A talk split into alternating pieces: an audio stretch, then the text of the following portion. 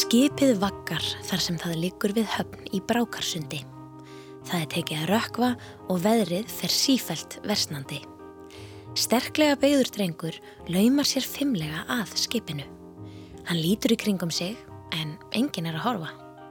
Hann hefur exi sína á loft og heggur á reypin sem halda skipinu förstu. Það rekur út á haf. Ha, reyndi nú bara að fara til útlanda án mín, Þórólur bróðir hugsar hann með sér. Þarna er á ferð eitt frægasta barn Íslandssögunar. Egil heitir hann og er Skallagrímsson.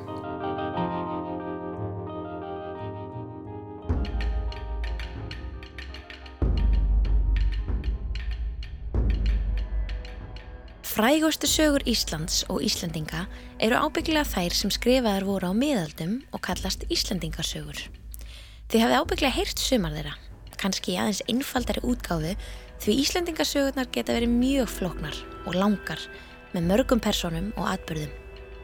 Sögurnar fjalla um Íslandinga á miðaldum, samfélag vikinga, höfðingja, konunga og drotninga og vennilegs fólks, bænda og sæfara, karla, kvenna og barna. Þær eru um 40 talsins og voru skrifaðar fyrir um 800 árum en við veitum ekki hver skrifaði þær þó margir hafi sett fram alls konar kenningar um það. Vegna þess að það er svo rosalega langt síðan þær voru skrifaðar er erfitt að vera viss um hvort allt sem í þeim er satt og rétt, hvort personinnar voru til í raun og veru. Hins vegar eru lang flestir sem trúa því að sögurnar séu byggðar á atbyrðum sem gerðust í alvöru en að þeir sem hafi skrifað þær hafi tekið sér leiði til að skálda í eigðurnar og búa til spennandi sögur.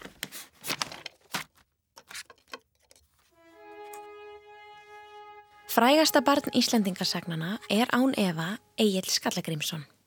Við getum kannski gengið svo langt að segja að hann sé frægasta íslenska barn allara tíma.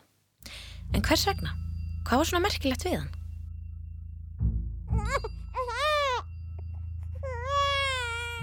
Egil Skallagrimsson er einn af fyrstu Íslandingunum. Það þýðir að hann var eitt af fyrstu börnunum til að fæðast á Íslandi eftir að fórildra hans fluttu hingað frá Noregi þegar Ísland var nömið.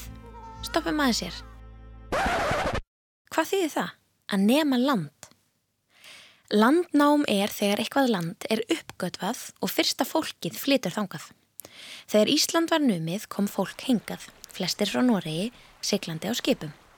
Ísland var nömið um 870 fyrir um það vil 1150 árum síðan. Í dag er ábygglega ekki neitt land eftir á jörðinni sem ekki hefur verið uppgötvað, sérstaklega þar sem við höfum gerfinhattamindir af nánast hverjum sentimetra á plánetun okkar. Hins vegar eru mörg lönd í geimnum en ókunnug og nú má segja að vísindamenn og geimfarar séu landnámsmenn okkar tíma eða kannski frekar landkönnuðir sem kanna ókunnugar slóðir og segja okkur hinnum frá. Ef einhver flytur einhver tíman út í geim þá verður sá hins sami landnámsmaður eða kona. En aftur að agli. Agli. Um, prófum að fallbega nafnið Egil. Hér er Egil um Egil frá agli til Egils. Mm -hmm. Flott, höldum áfram. Egil Skallagrímsson tilheyrir kynnslóð fyrstu Íslandingana. Saga hans er skrifuð í Egil's sögu sem er eins og elsta af Íslendingasögunum. Hún er spennandi, ævintýraleg, full af vikingum, bardögum, ferðalögum, göldrum og ljóðum. Egil var nefnilega ekki bara bardagamadur og vikingur heldur mjög fær í því að semja ljóð. Esa nú vænlikt of viðurs þýfi. En við skulum byrja á byrjunum. Hér kemur saga Egil's Skallagrímssonar þegar hann var krakki í stuttumáli. Egil Skallagrimsson var ljótt barn. Ha, má segja svo leiðis. Fyrsta lýsingin á agli er svona. En áttu þau Skallagrimsson, var sá vatni auðsin og var nafn gefið og kallaður Egil. Er hann ógs upp, þá mátti brátt sjá á honum að hann myndi verða mjög ljótur og líkur föður sínum svartur á hár. En þá er hann var þrevetur, þá var hann mikill og sterkur, svo sem sveinar þeir aðrir er voru sex vetra eða sjö. Hann var brátt málugur og orðvís. Heldur var hann íllur viðuregnar er hann var í leikum með öðrum ungmennum. Sem sagt, fyrstu lýsingarnar af Agli Skallagrímsinni eru að hann hafi verið frekar ljótur en mjög sterkur. Þegar hann var þryggjára var hann jafn sterkur og sex eða sjö ára strákar. Hann gætt svarað fyrir sig, var klár og orðheppin en skapstór og gætt orðið leiðinlegur og vondur þegar hann leik sér með öðrum krökkum. Pappi Egils hétt Skallagrímur. Hann var landnámsmaður sem setti stað og byggði bæ í borg á Mýrum, nálagt þar sem borgarnes er í dag. Skallagrímur varð sköllóttur 25 ára gammal og þess vegna er hann alltaf kallaður þetta. Mamma Egils hétt Bera og eldri sískinni hans Þórólfur, Sæjun og Þórun. Þegar Egil var þryggjára hjælt afi hans stóra veistlu. Hann bauð Skallagrími, Beru og Þórólfi, eldri bróður Egils, til veislunar. Egil litli mátti ekki koma með. Þegar veisludagurinn rann upp, bjó fólkið sig til ferðar en þau ætliði á hestbaki í veisluna. Skallagrímur, Bera, Þórólfur og 13 vinnumenn. Egil var alveg brjálaður af öfund. Hann reyndi að sannfæra pappa sinn með því að segja. Á ekki þar slíkt kynni sem Þórólfur. Eða eins og nútíma börn myndu segja. Mér langar líka að fara. Ég má alveg jafn mikið fara í veisluna á Þórólfur. En Skallagrímur var ákveðin maður og harð neytaði að taka þryggjára barn með sér í partí. Þau held af stað en Egil leta ekki stoppa sig. Hann sótti sér hest og reið í laumi og eftir þeim alla leiðina. Hann var aðeins lengur á leiðina en þau og því kom hann ekki í veisluna fyrir en liði var á kvöldið og allt fullarna fólki satt og skemmti sér. Þegar afi hans yngvar sá Egil tók hann guttan í fangið. Egil satt hjá afa sínum og tók þátt í gleðskapnum. Þá orti hann sína fyrstu vísu, þryggjára. Hún var svona. Komin emg til Arna. Yngvars þess beð lingva. Hann vask fússa finna. Frán þvengjar gefur drengjum.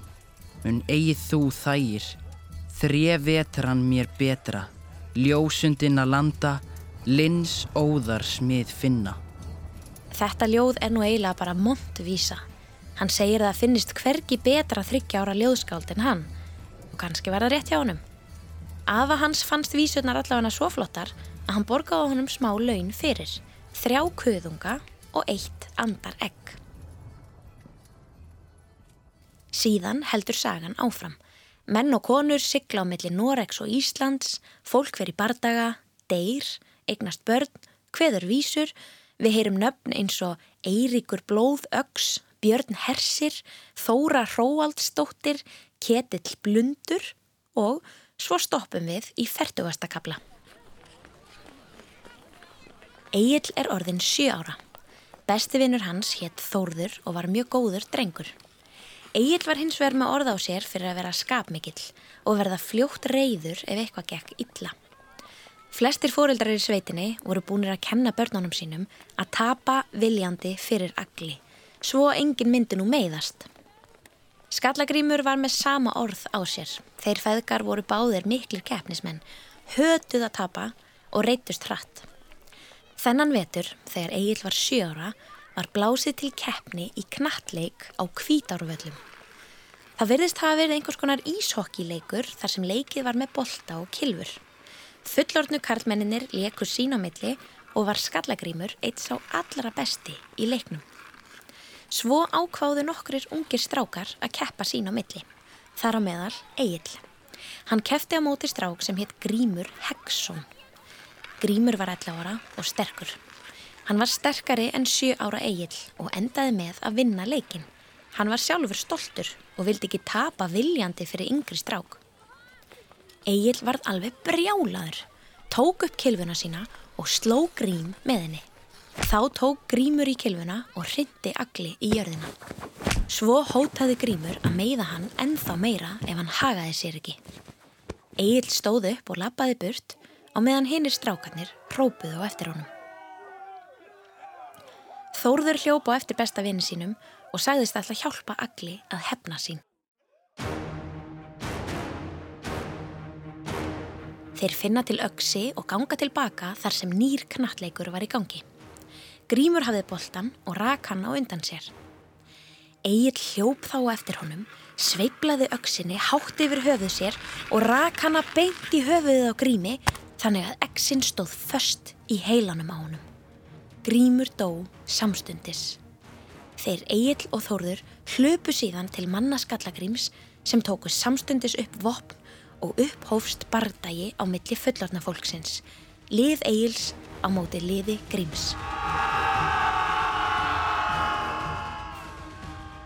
Það dói sjö menn í þeim bardaga. Allt vegna þess að Egil Skallagrímsson, sjö ára, var tapsár. Þegar þeir feðgar komu aftur heim á borg, virtist Skallagrími vera alveg sama þótt sonur hans hefði drepið annað barn. Egil sagði mömmu sinni frá og hún var mjög stolt af honum. Hún sagðist vera vissum að hann erði mikill vikingur þegar hann erði stór og að honum erði öruglega launað með fallegum herskipum síðar. Þetta myndi mömmur í dag ekki segja við börnin sín. En svona breytast vist tímannir. Eftir að mamma hans sagði þetta, samdi Egil vísu sem er ein af hans allara frægustu vísum. Það mælti mín móðir að mér skildi kaupa, flei og fagrar árar, fara á brott með vikingum, standa upp í stafni, stýra dýrum knerri, halda svá til hafnar, högva mann og annan. Mamma mín sagði að ég erði mikill vikingur, ætti að kaupa skip og fagrar árar, fara til útlanda, stýra dýrum skipum, halda til hafnar og högva menn í spað. Þá vitum við það, Egil Skallagrimsson er búin að ákveða hvað hann ætlar að verða þegar hann verður stór.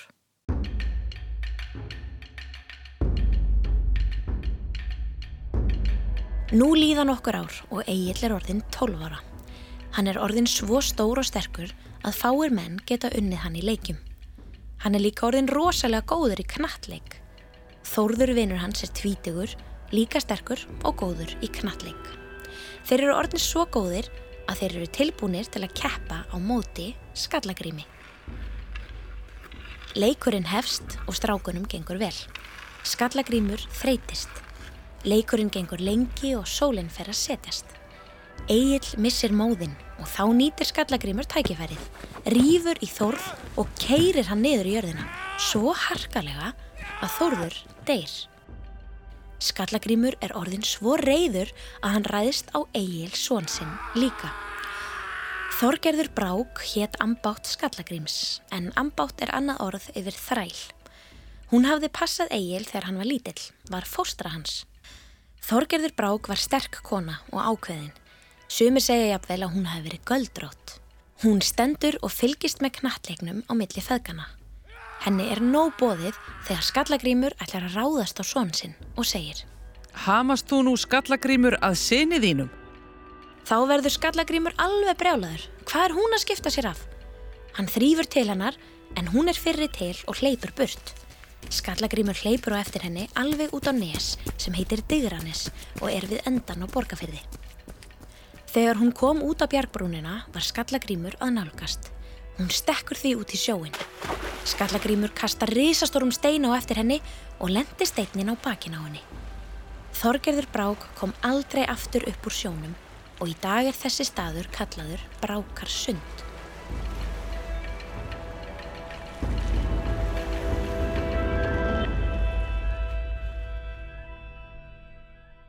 Egil reyttist pappa sinu mikið og ákvaða hefna sín. Um kvöldið sátu heimilismenn á borg inn í bænum og borðiðu kvöldmatt.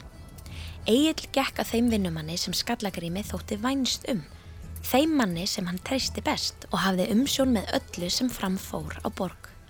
Egil drap hann og settist svo aftur í sæti sitt. Skallagrímur syngdi engin viðbröð, en þeir feðgar töluðu ekki meira saman þann vetur.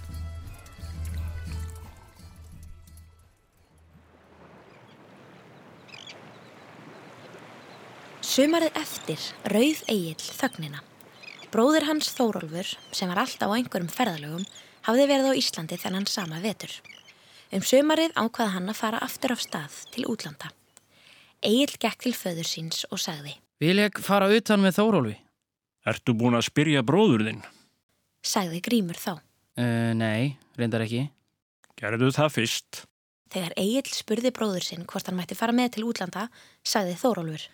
Að ég muni þig flytja með mér á brott, ef fadriðin þykist eigi meiga um þig tæla hér í hýpilum sínum, þá ber ég eigi tröst til þess að hafa þig utanlendis með mér, því að þér mun það ekki hlýða að hafa þar slíkt skablindi sem hér. Sem að mætti orða svona í dag. Ef pappi vill ekki lengur hafa því í húsinu sínu að því að hann treystir þér ekki, þá treysti ég þér heldur ekki fyrir því að hegða þér almennilega í útlöndum með mér. Vera má Sagði Egil, að þá fari kvorki okkar. já eða einhvern veginn svona. Þá getur bara verið að hvorugur okkar fari. Hmm, þetta ljómar eins og hótun. Hvað gerði Egil næst? Um nóttina varð alveg vittlust veður. Þegar dimt var orðið fór Egil út og hjó á böndin sem heldur skipið Þóróls föstu við land. Skipið rak þá út á fjörðin. Menn skömmuðu Egil og sögðu að þetta veri ekki leiðin til að fá einhvern til að gera sér greiða. Agli var alveg sama og sagðist bara myndu gera eitthvað ennþá verra við bróður sinn ef hann tækja hann ekki með sér. Þórólfur let til leiðast og tók Egil með sér. Talandi um að vera óþólandi litli bróður. Eftir þetta er Egil orðin vikingur, fer í ránsferðir, ræðist á fólk og brennir bæi eins og vikingar gerðu. Ætli það sé ekki þarna sem vikingarnir hættu að horfa á Egil sem barn. Hann var orðin fullorðin í þeirra augum. Hvernig ætli það hafi verið að vera barn á vikingaöld? Á vefsíðu sinni um Íslandingasögur talar Brynhildur Þórarinsdóttir, dósent við Háskólan á Akureyri, um börn á vikingaöld.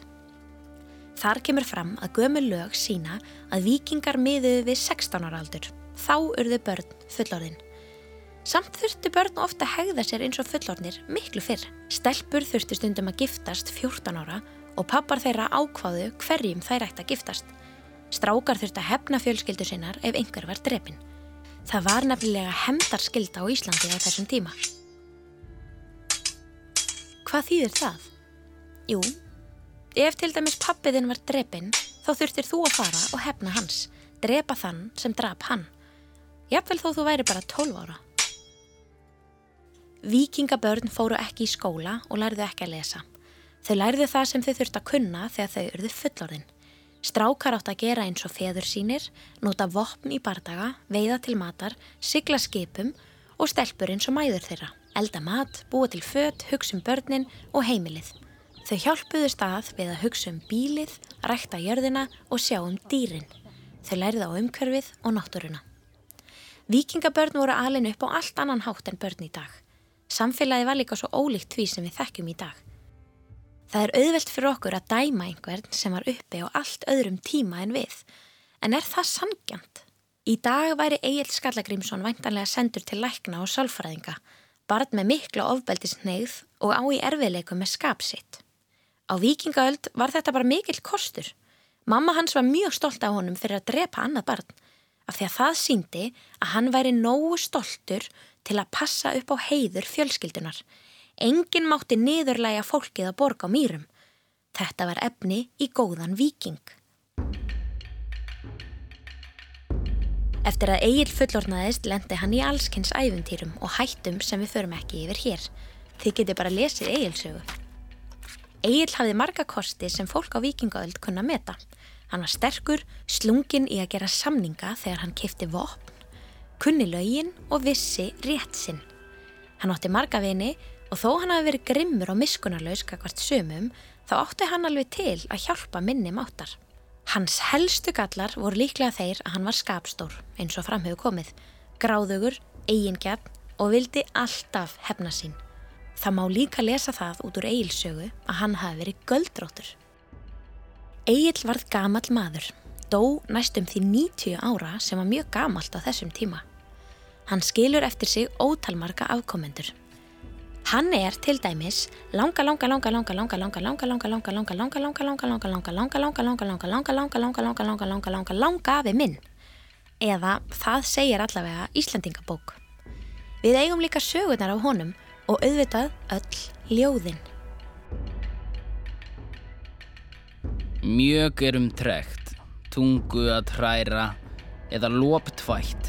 ljóð pundara.